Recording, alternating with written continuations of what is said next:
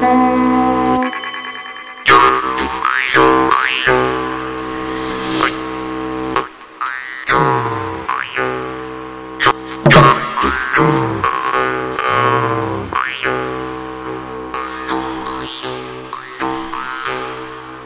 ritu raksti. Labdien! Tradicionālās kultūras raidījumā Laika ritu raksti. Tuvojas dziesmu svētki, un tajos grib tautiski, gaumīgi un eleganti izskatīties ne tikai dziedātāji un dejotāji, bet arī svētku skatītāji, darinot un krāsojot tos paši. Lai saprastu, cik viegli vai grūti tikt pie kārotā krāsu toņa, šodienas raidījumā aizsāksim runāt par krāsu mistēriju tradicionālajā kultūrā. Kur un kad krāsas lietotas latviešu apģērbā, kā iegūtas krāsvielas un kā noris krāsošana ar dabas krāsvielām. Šādus jautājumus šodien uzdošu Limbaģu tautas lietišķās mākslas studijas dzilna vadītājai Baibai Vaivarei, etnoloģijai, apģērbu un tekstīlī vēstures pētniecei Anetei Karlsonai un latviešu apģērba vēstures pētniecei Ievai Pīgoznei. Viesus uzrunāšu es, raidījuma laika ritu raksta vadītāja Iveta Medene. Labdien! Labdien! Labdien.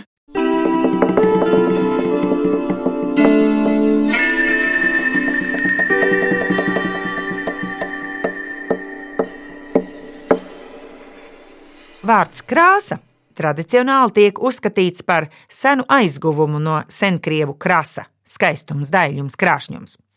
Latviešu tautas dziesmās šis vārds nemaz netiek lietots. Krāsas nozīmē figurē mantots vārds zieds, pupu ziedu, manziediņš, linu ziedu paladziņš. Tā par vārda krāsa etimoloģiju raksta literatūras zinātniece, valodniece Janīna Kursīte savā grāmatā Dainu kodeks. Baiva, Anete un Ieva, kādi ir jūsu atklājumi? Vai tiešām folkloras materiālos par konkrētām krāsām runā, neminot vispārinātu apzīmējumu krāsa vai tonis? Jā, pārsvarā tā arī ir. Vēl var būt spalva, ja par dzīvniekiem ir runa. Aha, Lietuviski krāsa ir spāra. Arī jā, bet vispār jā, uzreiz sauc tajā vārdā, kādā arī tad grib saukt. Un tad uh, to apzīmējumu lokus ir diezgan šaurs bet savukārt apzīmētās krāsas ļoti daudz. Ja, piemēram, sarkans ir viss, sākot no rozā līdz oranžam. Brūns, sārts, rozā, viss tas, ko mēs mūsdienās saprotam vārdu sarkans, ir salīdzinoši daudzreiz šaurāka spektra daļa nekā tas, ko kādreiz apzīmēja ar vārdu sārts, sarkans.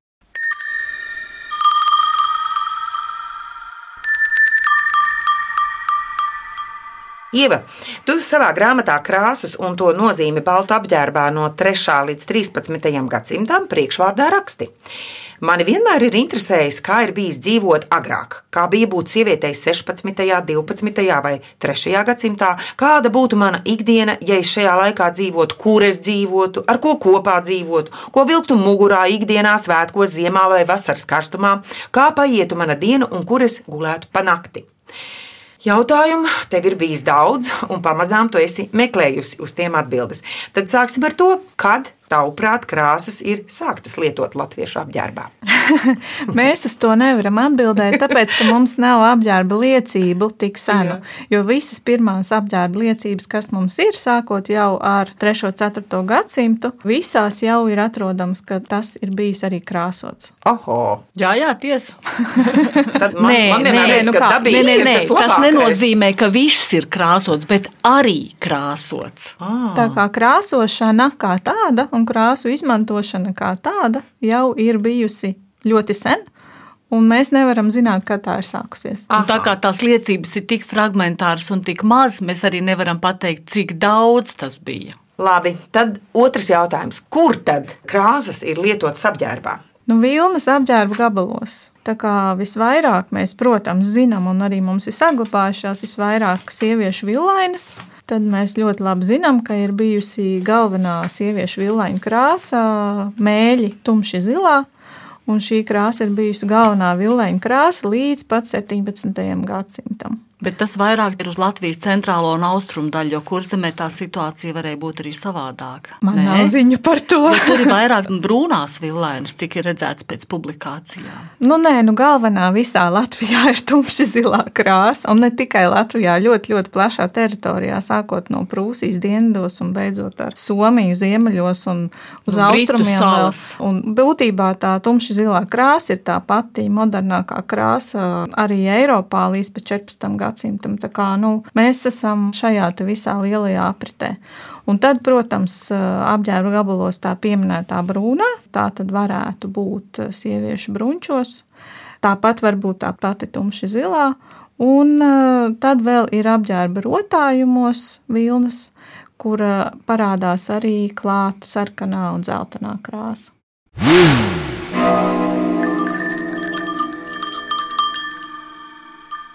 Bet, Anet, kā agrāk sanāk, tad ir iegūtas tās krāsvielas? Tev bija ļoti interesants pētījums par mēļo. To gan es gribētu dzirdēt. Nu, kas tur īpaši par pētījumu? Tas ir eksperimentu sērija. Vienkārši skatoties un mēģinot saprast, kā tiešām šo mēļo tumšu zilo krāsu dabū, jo dabā tā ir reti iegūstama krāsa. Nav daudz avotu, kas dotu tumšu zilo vai gaišu zilo vai vispār izteikti zilo. Bet tas nav tas krāsu. pats indigo. Pigmenta nosaukums ir indigo, bet krāsvielu šo indigo viņš var būt dažādos. Principā, ja mēs runājam par augu valsti, mm. jo zilo krāsu var dabūt arī no minerāliem, kas ir glezniecībā Nu, jā, nu jā, lietotie jā, jā. krāsu pigmenti. Bet tātad augu valstī, mūsu platuma grādos, Baltijā, vienīgais augs, kas satur šo krāsvielu, kas dod šo zilo krāsu, ir krāsu mēle. Siltākos reģionos un Indijā ir ļoti daudz, un ne tikai Indijā, Amerikā, un Āfrikā un daudzos citos silto zemju reģionos ir ļoti daudz augu, kas satur zilo krāsu dodošos krāsvielas. Bet Latvijā tā ir krāsu mēle, bet Latvijā ir krāsots ne tikai ar krāsu mēli, ir krāsots arī ar šiem ekstraktiem, kas ir gatavoti no indigoferas un citiem augiem, kas ir ievestie ekstrakti, kas ienāk jau, es nezinu īsti kad, bet tie materiāli, kas attiec uz 19. gadsimtu, tur, diemžēl, krāsu mēle vairs neparādās. Kā krāso vecu laiku mēļi zilo krāsu? Izstāsti. Tas ir virsraksts, virsraksts pieminieku valdes vākumiem no kuldīgas apriņķa. Es domāju, oh, nu tur tagad tiešām būs mm -hmm, rakstīts par mm -hmm kaut ko ļoti labu, īstu un skaistu. Protams, viss ir ļoti labi, īsti un skaisti. Tātad, kā sāk krāsot? Sāk ar to, ka kādu laiku vajag čurāt podā. Jā. jo būtiski tas, ka šis indigo pigments nešķīst ūdenī. Bet Viņam vajag sārmainu vidi. vīrieši to dara, Nē. Latvijā čurā arī sievas. Piecas sievas portā mieza. Ak, tā! Miež, miež. Un tad ir jāsavāc urīns, tad jābūt šim šķidrumam, sārmainījai videi. Mm. Tad no žīdiņa nopērk zilumzāles. Ieliek podā, ieliek vilnu, aizsien ciet un noliek, lai rūkst. Aizkūtī siltumā. nu, tā tad tas parāda, un arī citi pieraksti, kur ir šīs pirktās zilumzāles, kas ir ievestais indigo ekstrakts. Bet tautas dziesmās parādās krāsu mēle. Mm. Un ir minēti mēļu dārzi. Tas nozīmē, ka krāsu mēle bijis kā kultivēts augs, kas ir speciāli Tomēr, audzēts jā. krāsošanai. Mm -hmm.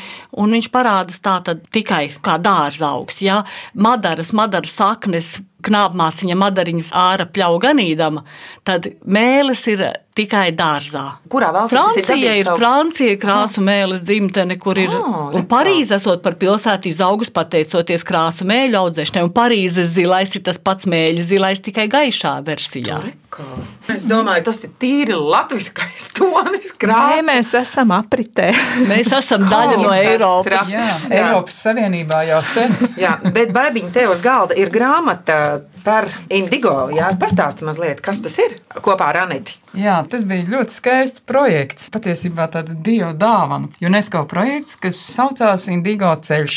Un ā, te tika uzaicināti cilvēki, mākslinieki no visas pasaules, kas strādā ar indigo. No Latvijas bijām mēs ar Aneti. Jums tur ir lieliski darbi, iekšā Ā. attēlot kaut kas vienreiz. Visiem ir vienkārši, visiem ir vienkārši lieliski darbi. Tas bija patiesībā ļoti liels pārdzīvojums šī izstāde. Man personīgi, jā, ļoti, jo atklāšana bija tieši Latvijas valsts dzimšanas dienā.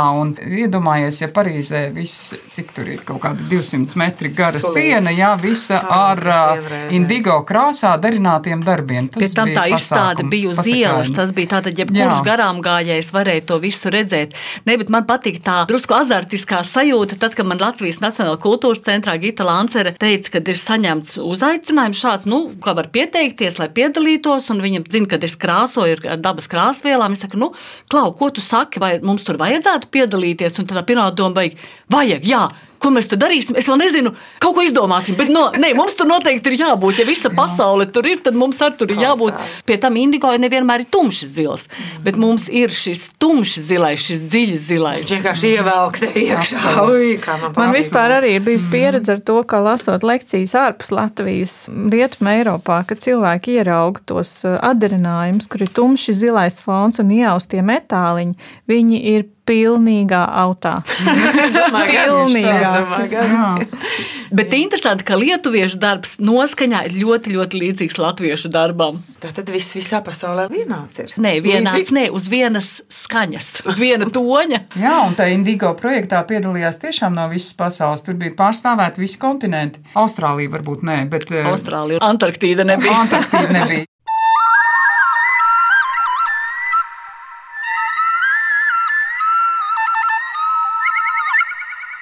Dabā krāsu daudz. Kāds brīnums, ka arī cilvēkam gribas kaut ko košāku, ne tikai kā aitā augušu. Baiba, tā tu teici savā grāmatā, daba krāso, dzilna auž. Bet saki, cik krāsas ir bijušas košas un noturīgas sirmā senatnē? Jo Par noturīgas, ja tās būtu- ir atpazīstamas arī pēc teiktu tā. gadsimtiem ilgas gulēšanas zemē. Par noturību sirmā senatnē labāk, lai runā Ieva, jo viņa Jo? tieši ar šiem te senajiem audumiem strādā. Ne tikai tāpat vien viņa caur mikroskopu viņu pēta un ķīmiski analizē. Un tad tad šo te noturību noteikti Ieva zina daudz labāk. Ieva, turpini. Ķīmiski neesmu analizējis, bet caur mikroskopu gan. Jā, to es varu teikt droši, ka zilā ir ļoti noturīga. Mēļu zilā krāsa tā vēl ar vienu ieskatās tūkstots gadus vecu audumu paraugs. Bet tā tad ir krāsota, kā. Anita teica, tādā vecajā modē. Nu, protams, Aha, nu, protams mhm, jā. Un tad, nu, vēl tīri labi var saskatīt sarkanīgo, bet, nu, tam nāk klāt dažādi uzslāņojumi, jo tomēr jau, ja tas tekstīlī gabaliņš ir gulējis zemē ļoti ilgu laiku, tas var arī zaudēt košumu, un tas var dzeltenīgoties vai pelēcīgoties.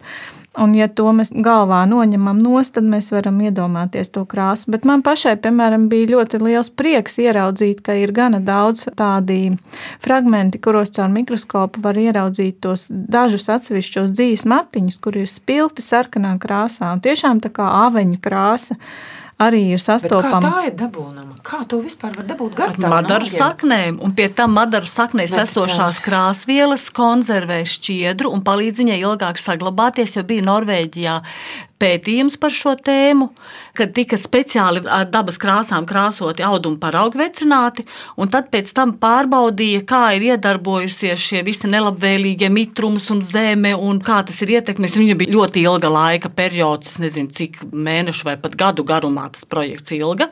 Un tad tiešām viņi ar ķīmiskām metodēm pārbaudīja un konstatēja, jā, ka šis indigo pigments, tas, kurš nemainās, kurš saglabājas, un otrs noturīgākais pigments bija nu, principā tās pašas krāsvielas, kas ir arī mūsu madaru saknēs. Tur gan bija cits augsts, tā bija rubija, ar ko bija krāsots, kas palīdz šķiedrai tik ātri nenoārdīties zemē un līdz ar to saglabāties ilgāk, un arī šis krāsojums saglabājas. Bet, zel, bet zeltainais, piemēram, švakāk saglabājas. Kāpēc? Tur es varētu pateikt, es esmu diezgan daudz par to skatījusies, kas ir rakstīts dažādos pētījumos. Tas ir atkarīgs no ķīmiskās krāsvielu grupas un tās krāsvielas, kuras dod zaļos un dzeltenos toņus, ir gaismas nenoturīgas. Un no dzeltenajiem krāsvielām tikai neliela daļa ir ar lielu gaismas noturību. Pārsvarā viņi visi vienkārši pēc definīcijas ir balojoši. Tas, vai viņš būs ātrāk vai lēnāk balojoši, diezgan lielā mērā atkarīgs no krāsošanas procesa un apstrādes. Un ir dažādas, teiksim, palīgvielas, kas ļauj viņam būt gaismas noturīgākam, bet sarkanie tas ir pilnīgi cita situācija nekā ar ķīmiskajām krāsām krāsoties, kur zilais izbalo Nu, pirmais, protams, jā, jā, sarkanais jā. arī izbalo ļoti ātri, tad ar augu krāsām krāsoties tieši zilais un sarkanais ir tas, kas noturīgāks. Kaut gan tās ir tās krāsas, kuras ir visgrūtāk iegūt, un varbūt tieši tāpēc viņas ir tās īpašās goda krāsas, viņām ir īpašais status, jo, lai dabūtu košu zilu un košu sarkanu, bija jāiegūda darbs, bija vajadzīgs darbs gan, lai dabūtu krāsvielu, gan, lai viņu nokrāsotu, gan viss pārējais tā, ka Un madaru saknes, kā zinu, nu, lai viņas savāktu. Tur ir eh, stundām jāvāc. madaru saknītes ir tievas un mazas. Tieši tā. Es vienreiz gribēju to darīt, bet um, neizdarīju, jo sapratu, ka, ja tā būtu vismaz ingvera sakne, tad varētu. bet madaras saknes vākt tā ir pusvasara.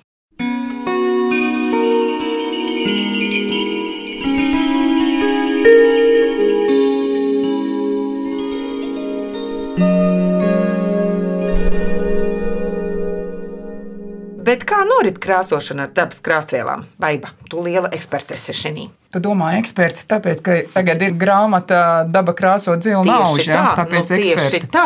Kuram tad vēl ir šāda grāmata? Jā, tāda grāmata ir tikai viena. Un šeit ir apkopota Lietušās mākslas studijas dzilna pieredze. Uzstādījums ir mazliet ne tāds, lai speciāli dabūtu krāsas, kuras nekādā gadījumā neizbalo. Šeit uzstādījums ir mazliet cits. Te ir um, doma par to, kā krāsošanai izmantot augus tā, lai viņus vācot nekādā veidā netikt nodarīts pāri dabai. Tā es arī sapratu. Jā, tās jo jā. redziet, tās pašas madaras, ko tu es gandrīz gribēju teikt, cik labi, ka tu nesavāci. Ja? Vai ne? Viņas Ja nav tik daudz, ja visi mhm. gribētu vākt. Madaru redzi, pie tam ne jau kura katra madara. audzē dārziņā. Jā, tad audzē dārziņā, jā, un līdz ar to šajā grāmatā, jā, te ir piedāvāti tieši tie augi, kuri nenodara postu, jā, bet krāso visai labi. Gan mežā, gan pļavā, gan eh, dārzā sastopam. Gan Te- pagrabā. Gan pagrabā, jā. jā, un tieši nesmādējot arī to, kas ir, teiksim, rokas stiepiena attālumā. Sarūgušas bērnu sūlas, tie var būt arī skābu kāpostu sūli, kompoti aizgājušie, jā, un daudz kas Neizēsti. tāds, jā, kas ir būtu no dārza, jā, vai arī te ir izmantoti augi kas tajos tālajos laikos dzeltenu ieguva ar kaut ko citu. Ja? No šajā gadījumā augi, kas tolaik neauga nemaz, kas ir piemēram zeltslotiņa, kas ir ienākusi tikai Jā, no zemēm. 19. gadsimtā Latvijā, ja, kā dārza kultūra. Jā, bet ļoti liela un izplatījusi-. Lūk, lūk, tieši tāpēc. pārējās kultūras. Tieši jā. tāpēc aicinām mēs krāsot. Aicinām, lūdzu, lūdzu, krāsojiet ar zeltslotiņu. Iznāk ļoti skaisti dzeltenie un dzelteni zaļie toņi. Bet Nāk. tieši ziedi vai saknītes? Uh, Ziedi, ziedi. Zaļganāki būs no lapām, bet ziedi ļoti skaisti dzeltenie toņi, brīnišķīgi. Jā. Kanādas Tā kā- zeltslotiņa bija dzeltenais krāsaugs priekš Kanādas un Amerikas indiāņiem pirmajā vietā. Lūk, Ture. ja? Un viņiem tas bija vietā, bet mums tagad viņi ir pārņēmuši Nevietā. visus laukus, un tāpēc lūdzu izmantosim šo. Un tad mēs ļoti ar lielu prieku un ā, patikšanu varam izmantot arī augšņu mizas. Nu, šobrīd vairs nav tik traki aizauguši lauki un grāvi ar augšņiem, ja? bet vienalga augsnes ir brīnišķīgs krāsaugs. Un tas ir bijis labs krāsaugs arī senos laikos, un viņš arī šodien ir labs. Tas aicinājums krāsot ar to, kas nedara pāri dabai. Varbūt tikai jāsaprot pati būtība, ja? kas ir tas, kas palīdz nokrāsot. Un tad mēs varam izmantot gandrīz visu un ņemt vērā, ka lieliska lieta ja? ir kārklis, kas palīdzēs krāsas noturībai un krāsas toni arī laba dos. Es domāju, Anete, te varētu pastāstīt par kārkla lieliskajām īpašībām. Nu, un ir ne tikai- dažādi kārkli, un tie, Jā. kuri ir ar sarkano miziņu ārpusē un dzeltenu iekšpusē, tie dod ļoti skaistu dzelteno krāsu. Savukārt citi kārkli dod atkal brūnos un pelēkos toņus. Tur jāmāk atpazīt kārklus. Un vienu gadu, kad es staigāju un meklēju, vai manā pusē aug tie sarkanie kārkli, tad es vienkārši tā arī darīju, kad es pavasarī gāju, lauzu kārklus un garšoju, jo iekšpusē jābūt rūktai. Un tur ir visādas pazīmes, tad es tā kā tāda kaziņa staigāju un grauzu kārklus, lai atrastu īstos, kuri dod zeltaino krāsu. Bet, principā, daudzu koku mizas ir ļoti labi krāsaugi. Un es zinu krāsotājus, kuras tā arī krāso, ka, teiksim, tad, kad dārzā apgriež kokus vai košumu krūmus vai nu, jebko, kas aug dārzā, tad vienkārši tos nogrieztos zarus nomizo un tās mizas izmanto krāsošanai. Bet pašus zarus nevar likt iekšā tikai mizas. Koks nekrāso mazāk, galvenokārt tās krāsvielas vairumā gadījumā ir mizā. Redz, ar tiem kārkliem jau ir brīnišķīgi. Vajag tikai sadarboties ar klūdziņu pinējiem. Jā, Ai, cik jauki. jā krāsotāji izmanto fabriku. savukārt klūdziņu pinēji izmanto to, kas ir vidiņā. Jā, ģeniāli, ģeniāli. jā un, un vēl kas ir ļoti skaisti, jā, tā mizošana jānotiek tad, kad sulojas. Nu, it kā normāli būtu pavasarī vākt, bet ja ir tāda ziema kā šogad, tad mēs varam vākt kārklus Visu gandrīz laiku. visu gadu. Ir jāskatās dabai līdzi, nevis kalendāram līdzi. Man liekas, ļoti svarīgi ir tas, ka mums Latvijā krāsošana ar dabas krāsvielām ir tradicionāla prasme. Un ka mums tā būtībā ir nepārtrauktā tradīcija. Jo mēs esam to pārmantojuši, un ir ļoti daudz cilvēku, kas ir mācījušies nevis no grāmatām, bet no savas ģimenes, no vecmāmiņām. Un, un ja nav no vecmāmiņām, no kā mācīties, tad aiziet uz studiju, un tur savukārt ir dzīvais cilvēks pretī, no kā mācīties. Un tāpēc mums tā ir tāda patiesībā ļoti liela vērtība.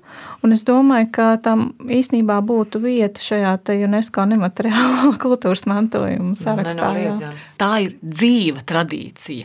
Skatoties vēstures avotus, un es esmu mēģinājis atrast Latvijā visu, kas ir rakstīts par krāsošanu dažādos vēstures periodos, es redzu to, ka šis krāsaugu daudzums, kas ir izmantots krāsošanai, nepārtraukti mainās.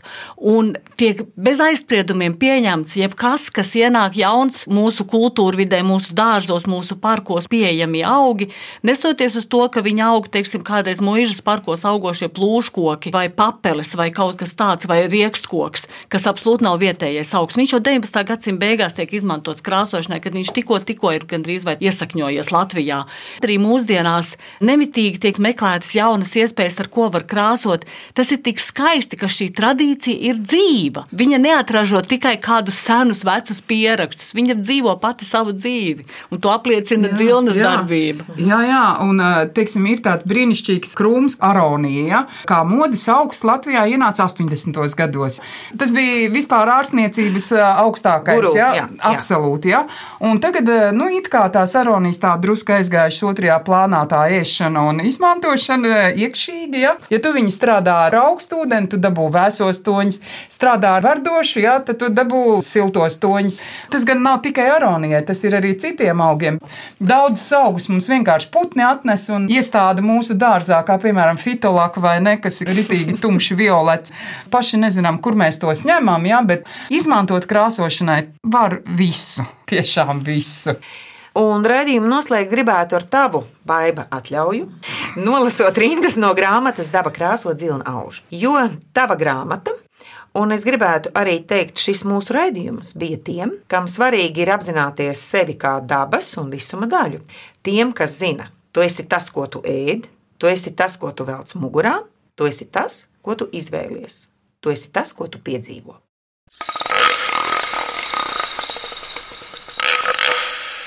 Raidījumā laika ritu raksti par krāsu mistērijām tradicionālajā kultūrā runāja Limbaģa tautas lietišķās mākslas studijas dzilna vadītāja Baiva Vaivare, latviešu apģērba vēstures pētniece Ieva Pīgosne un etnoloģi apģērba un tekstīliju vēstures pētniece Anete Karlsone. Raidījumu vadīja Iveta Medene uz sadzirdēšanos nākamajos laika ritu rakstos.